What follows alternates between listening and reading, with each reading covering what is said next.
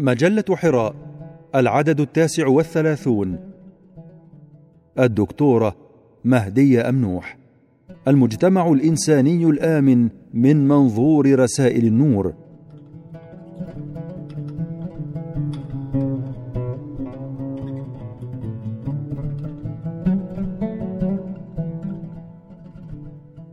الأمن في اللغة العربية وفي آيات القرآن الكريم وأحاديث السنة النبوية الشريفة يعني الطمأنينة المقابلة للخوف والفزع والروع في عالم الفرد والجماعة وفي الحواضر ومواطن العمران وفي السبل والطرق وفي العلاقات والمعاملات وفي الدنيا والآخرة جميعا.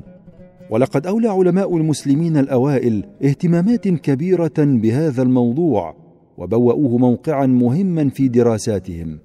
وذلك كما فعل أبو الحسن الماوردي في كتابه أدب الدنيا والدين حين أشار إلى قاعدة مهمة من قواعد انتظام العمران قائلا أما القاعدة الرابعة فهي أمن عام تطمئن إليه النفوس وتنتشر به الهمم ويسكن فيه البريء ويأنس به الضعيف.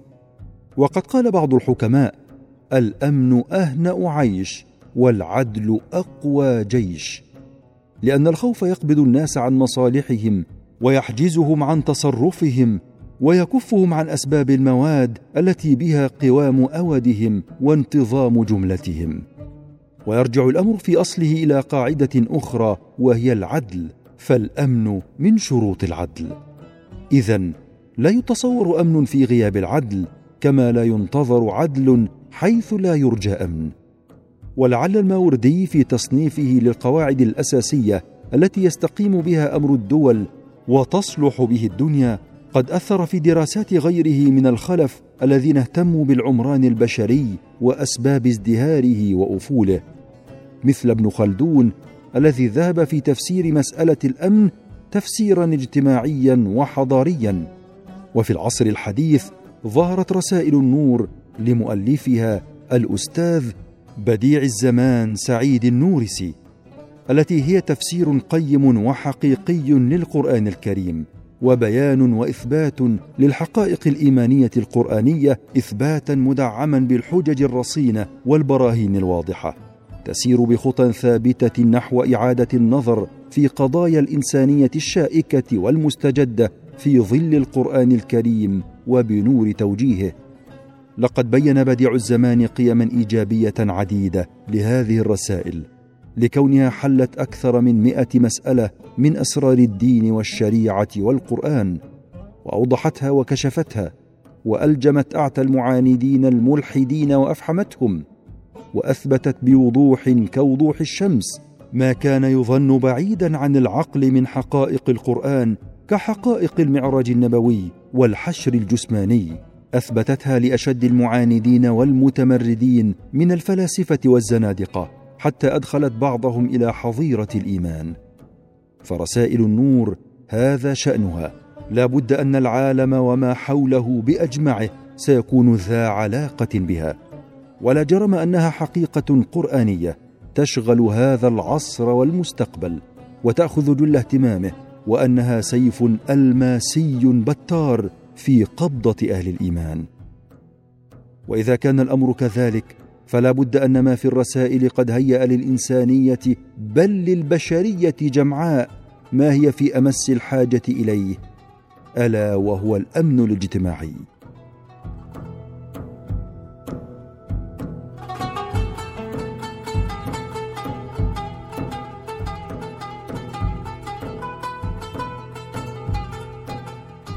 فما هو السبيل الذي نهجته هذه الرسائل لتمكين الإنسان من المنهج الصحيح والصائب لإحياء ذاته روحيا وماديا كي يحقق منها ذاتا مكرمة كما شاء لها الحق أن تكون ويهيئ من عددها الكثير مجموعا بشريا نافعا ومعمرا في الأرض؟ للإجابة على هذا السؤال المركب نقف على شاهد من رسائل النور يبرز لنا المقومات التي اشترطها بديع الزمان سعيد النورسي لضمان استتباب الأمن في المجتمع الإسلامي. يقول فيه ليس المسلمون بحاجة إلى ترغيبهم وحثهم على حب الدنيا والحرص عليها فلا يحصل الرقي والتقدم ولا ينشر الأمن والنظام في ربوع البلاد بهذا الأسلوب. بل هم بحاجة إلى تنظيم مساعيهم وبث الثقة فيما بينهم وتسهيل وسائل التعاون فيما بينهم.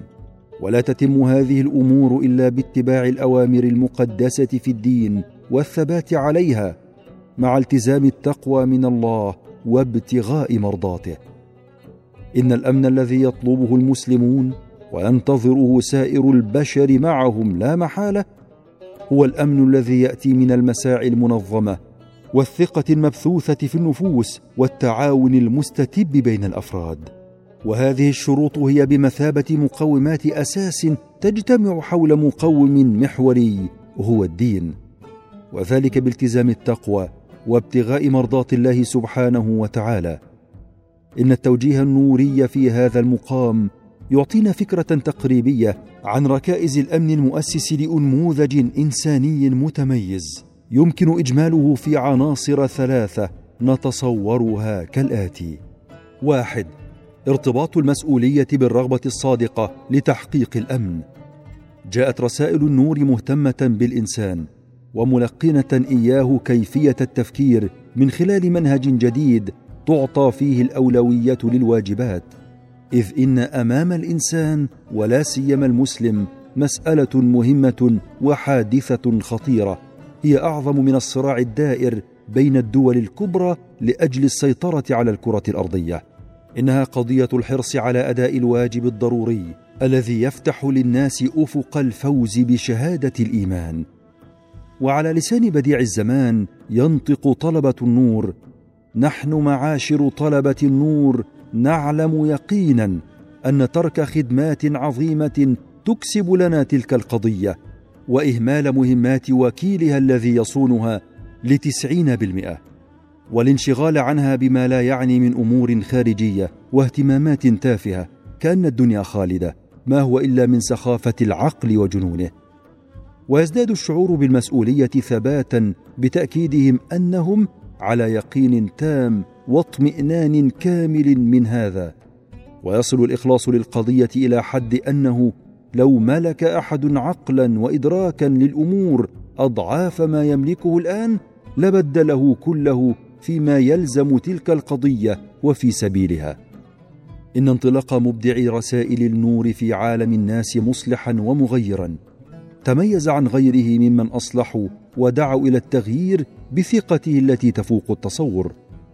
فمما لا شك فيه أن الإيمان بالقضية ونذر النفوس في سبيل الدفاع عنها هو بمثابة مولد طاقة نفسية عجيبة تتجلى مظاهره في شخصية صاحب القضية الذي يعرف منطلقاته جيدا كما يجيد تلمس طريقه نحو أهدافه بوضوح دون أن يترك فراغا يتسرب منه شك أو خوف أو قلق.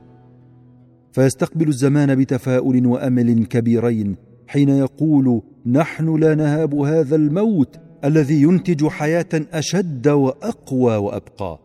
فمتى لو متنا نحن فسيبقى الاسم حيا سالما. سيما وأن الإسلام في منطق رسائل النور هو الروح الإنسانية الكبرى الذي ينبغي على كل من أراد امنا وسلاما وصلاحا أن يجعله قضيته المصيرية. ويفوز في ظلالها بشهادة الإيمان ويحترز من التفريط في صيانتها فمن لم يرعها حق رعايتها فسوف يضيع حتما تلك القضية ويخسرها.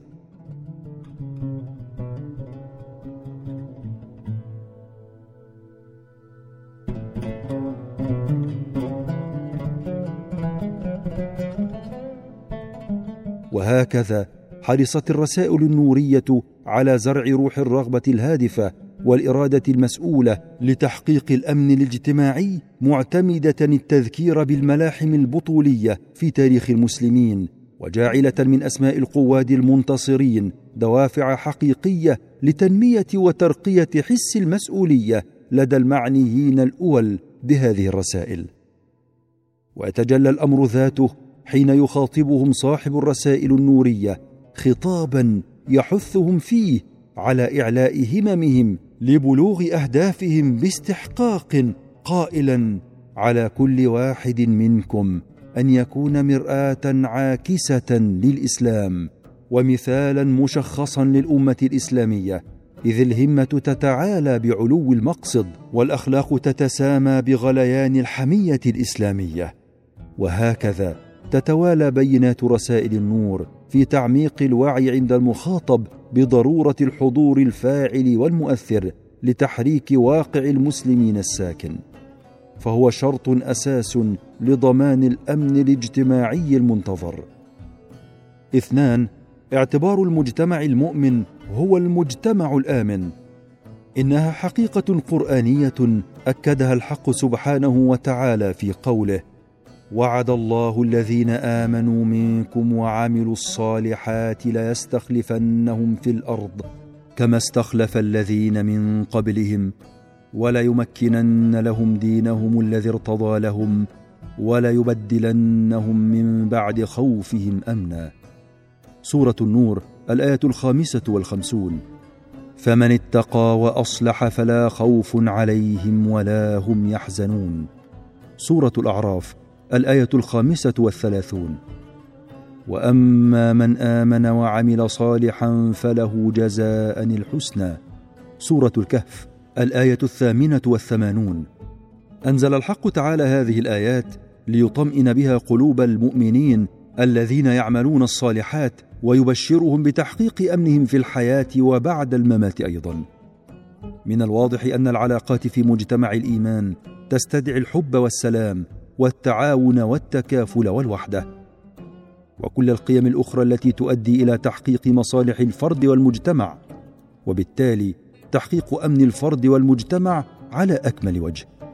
وفي هذا السياق يأتي الأستاذ سعيد النورسي ببراهين خاصة كي يؤكد حاجة الأمن إلى الإيمان مشيرا إلى أن البشرية التي أخذت تصحو وتتيقظ بنتائج العلوم والفنون الحديثة أدركت كنه الإنسانية وماهيتها وتيقنت أنه لا يمكنها أن تعيش هملا بغير دين بل حتى أشد الناس الحادا وتنكرا للدين مضطر إلى أن يلجأ إلى الدين في آخر المطاف لأن نقطة استناد البشر عند مهاجمة المصائب والأعداء من الداخل والخارج مع عجزه وقلة حيلته. وكذا نقطة استمداده لآماله غير المحدودة الممتدة إلى الأبد مع فقره وفاقته. ليس إلا معرفة الصانع والإيمان به والتصديق بالآخرة. فلا سبيل للبشرية المتيقظة إلى الخلاص من غفوتها سوى الإقرار بكل ذلك. إن الإيمان بالغيب وبالقدر خاصة يمنح خفة بلا نهاية وراحة بلا غاية وسرورا ونورا يحقق الأمن والأمان. إن مثل الذي يؤمن بالقدر كمثل من يحمل ثقلا بقدر الدنيا لأن الإنسان له علاقات مع الكائنات قاطبة وله مقاصد ومطالب لا تنتهيان إلا أن قدرته وإرادته وحريته لا تكفي. ومن يفهم مدى ما يقاسيه الإنسان من ثقل معنوي في عدم الإيمان بالقدر وكم هو مخيف وموحش. يحرص الأستاذ سعيد النورسي وهو يرسم بريشة المبدع صورة من يخرج عن القاعدة الأصلية والفطرية ويحجب رؤية الحقائق الإيمانية عن قلبه وعقله على أن يثبت بالدليل النقلي والعقلي أن الشر والقبح والباطل والسيئات جزئي وتبعي وثانوي في خلقة الكون وأن الأصل في الإنسان هو اعتباره أشرف المخلوقات وأكرمها. كما أن الخير والحسن والجمال والإتقان والكمال هو السائد المطلق في نظام الكون وهو المقصود لذاته أي هو المقاصد الحقيقية للصانع الجليل.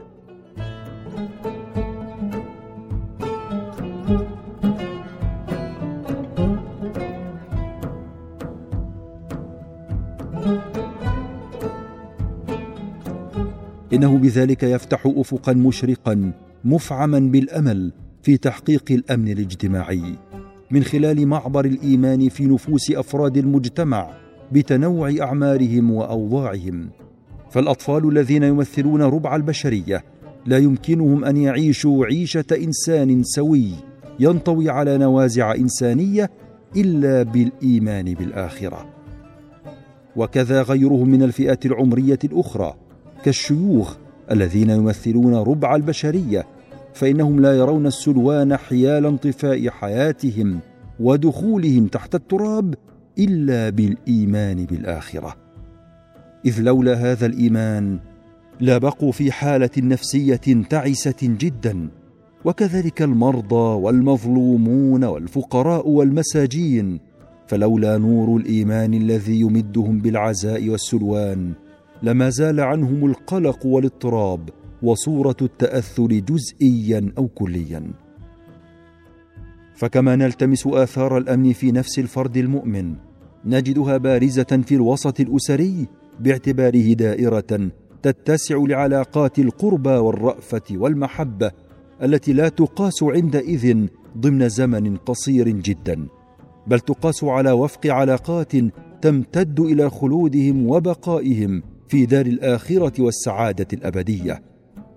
ومن ثم تبدأ السعادة الإنسانية الحقة بالتألق في ذلك البيت. والعكس صحيح إن لم يكن الإيمان بالآخرة حاكما ومهيمنا في بيوت الناس. بعد هذا يضيف الأستاذ سعيد النورسي دائرة أخرى أوسع من الثانية وهي دائرة المدينة. وما هي في حد ذاتها سوى بيت واسع لسكنتها فإن لم يكن الإيمان بالآخرة ثابتا فيها كانت معاني الإرهاب والفوضى والوحشية حاكمة ومسيطرة تحت اسم النظام والأمن والإنسانية التي يظهرونها. وحينئذ تتسمم حياة تلك المدينة وتنخرم فيها صفات المجتمع الآمن. بعد استقراء أحداث كثيرة واستنباط أفكار متعددة يؤكد الأستاذ سعيد النورسي أن المجتمع الآمن هو المجتمع المؤمن وأن المجتمع المؤمن هو المجتمع المسلم. ويخلص إلى أن المسلمين خدام القرآن يتبعون البرهان ويقبلون بعقولهم وفكرهم حقائق الإيمان. وهم ليسوا كمن ترك التقليد بالبرهان تقليدا للرهبان كما هو دأب أتباع سائر الأديان. وهو في ذلك يستبشر أن المستقبل الذي لا حكم فيه إلا للعقل والعلم سوف يسوده حكم القرآن الذي تستند أحكامه إلى العقل والمنطق والبرهان. وبالتالي فالإسلام هو المؤهل الوحيد للسيادة مستقبلا لأن الحقيقة الإسلامية هي الكفيلة بإسعاد البشرية بما تقدمه من منظومات تصورية وأخلاقية نافعة وبانية شرط أن تفعل في الواقع وهو ما سنبين ملامحه في المقوم التالي. ثلاثة تفعيل الأخلاق القرآنية مرآة المجتمع الآمن. سبقت الإشارة إلى أن رسائل النور هي عبارة عن إعادة دراسة تاريخ الإنسانية وواقعها. على ضوء ما جاء في القرآن الكريم من أدلة منهجية ربانية منفتحة على حقيقة الحياة. من خلال اليقينيات الكونية كما يشرحها القرآن الكريم فتآلفت الرسائل حول نقطة محورية هي توضيح الحقائق الدينية والإيمانية المتعلقة بالإيمان بالله وبرسوله وباليوم الآخر. إذ تهدف من وراء ذلك إلى رسم صورة معالم التربية الأخلاقية في الإسلام بإثارة البحث في المسألة الأخلاقية من زاوية علاقتها بالخالق وعلاقتها بالخلق وعلاقتها بالكون والطبيعة وعلاقتها بالنفس. كي تؤسس رؤية أصيلة مفادها أن الأصل الأخلاقي في الثقافة الإسلامية هو أصل ديني. فلا أخلاق بدون دين كما لا دين بدون أخلاق. والإخلال بالدستور الأخلاقي الإسلامي سرعان ما يؤدي إلى اختلال توازن المجتمع.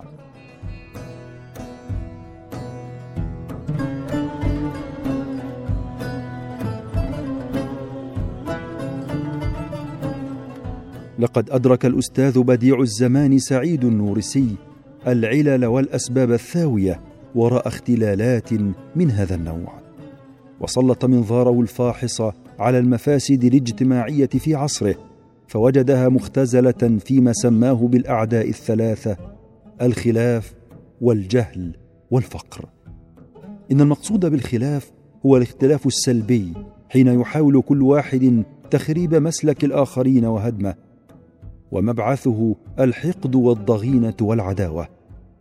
وهو مردود شرعا حيث المتنازعون والمختلفون يعجزون عن القيام بأي عمل إيجابي بناء وكأننا بهم وهم ينحازون جانبا سائرين وفق أغراضهم الشخصية يمهدون السبيل لفتح الأبواب أمام أولئك الأعداء ليدخلوا حرم الإسلام الآمن. وتحسبا لهذا الأمر الخطير الذي ألم بالأمة الإسلامية يوصي الأستاذ سعيد النورسي بتفعيل القيم الأخلاقية في هذا الباب قائلا عودوا إلى رشدكم وادخلوا القلعة الحصينة المقدسة. إنما المؤمنون إخوة. سورة الحجرات الآية العاشرة. وحصنوا أنفسكم بها من أيدي أولئك الظلمة الذين يستغلون خلافاتكم الداخلية.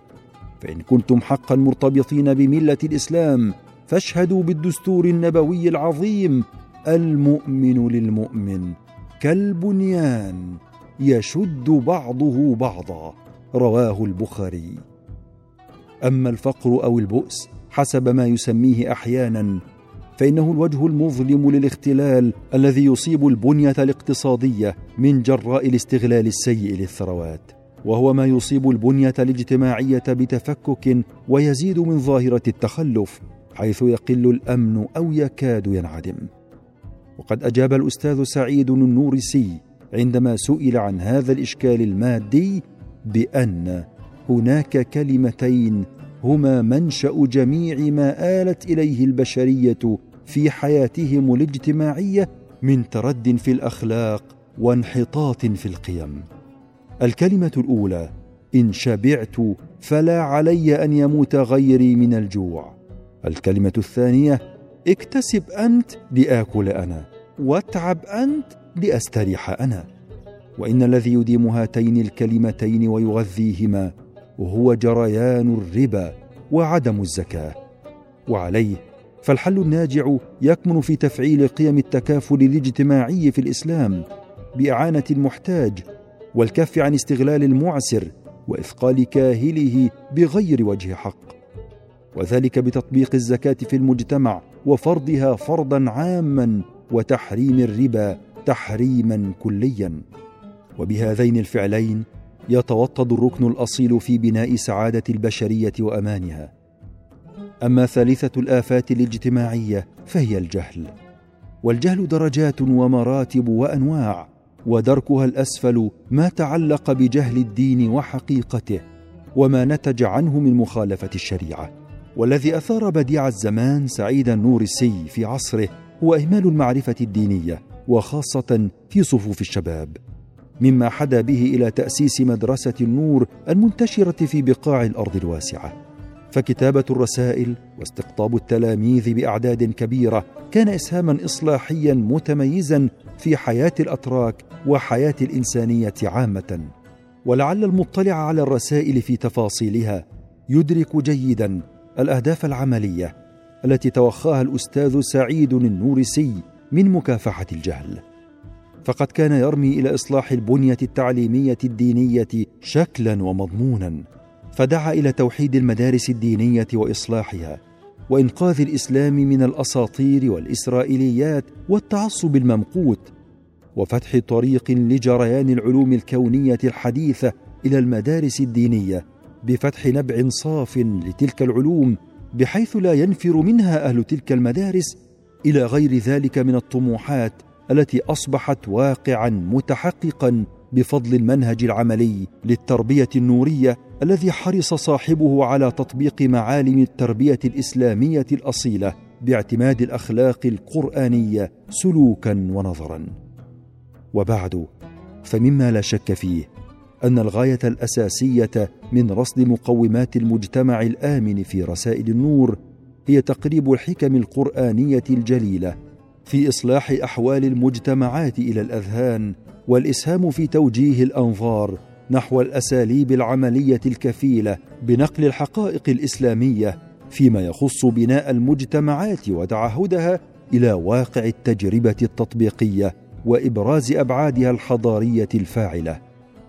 وبذلك نكون قد قدمنا باختصار شديد ما أهدته رسائل النور للإنسانية الباحثة عن سبل السلام وأسس الأمن والأمان.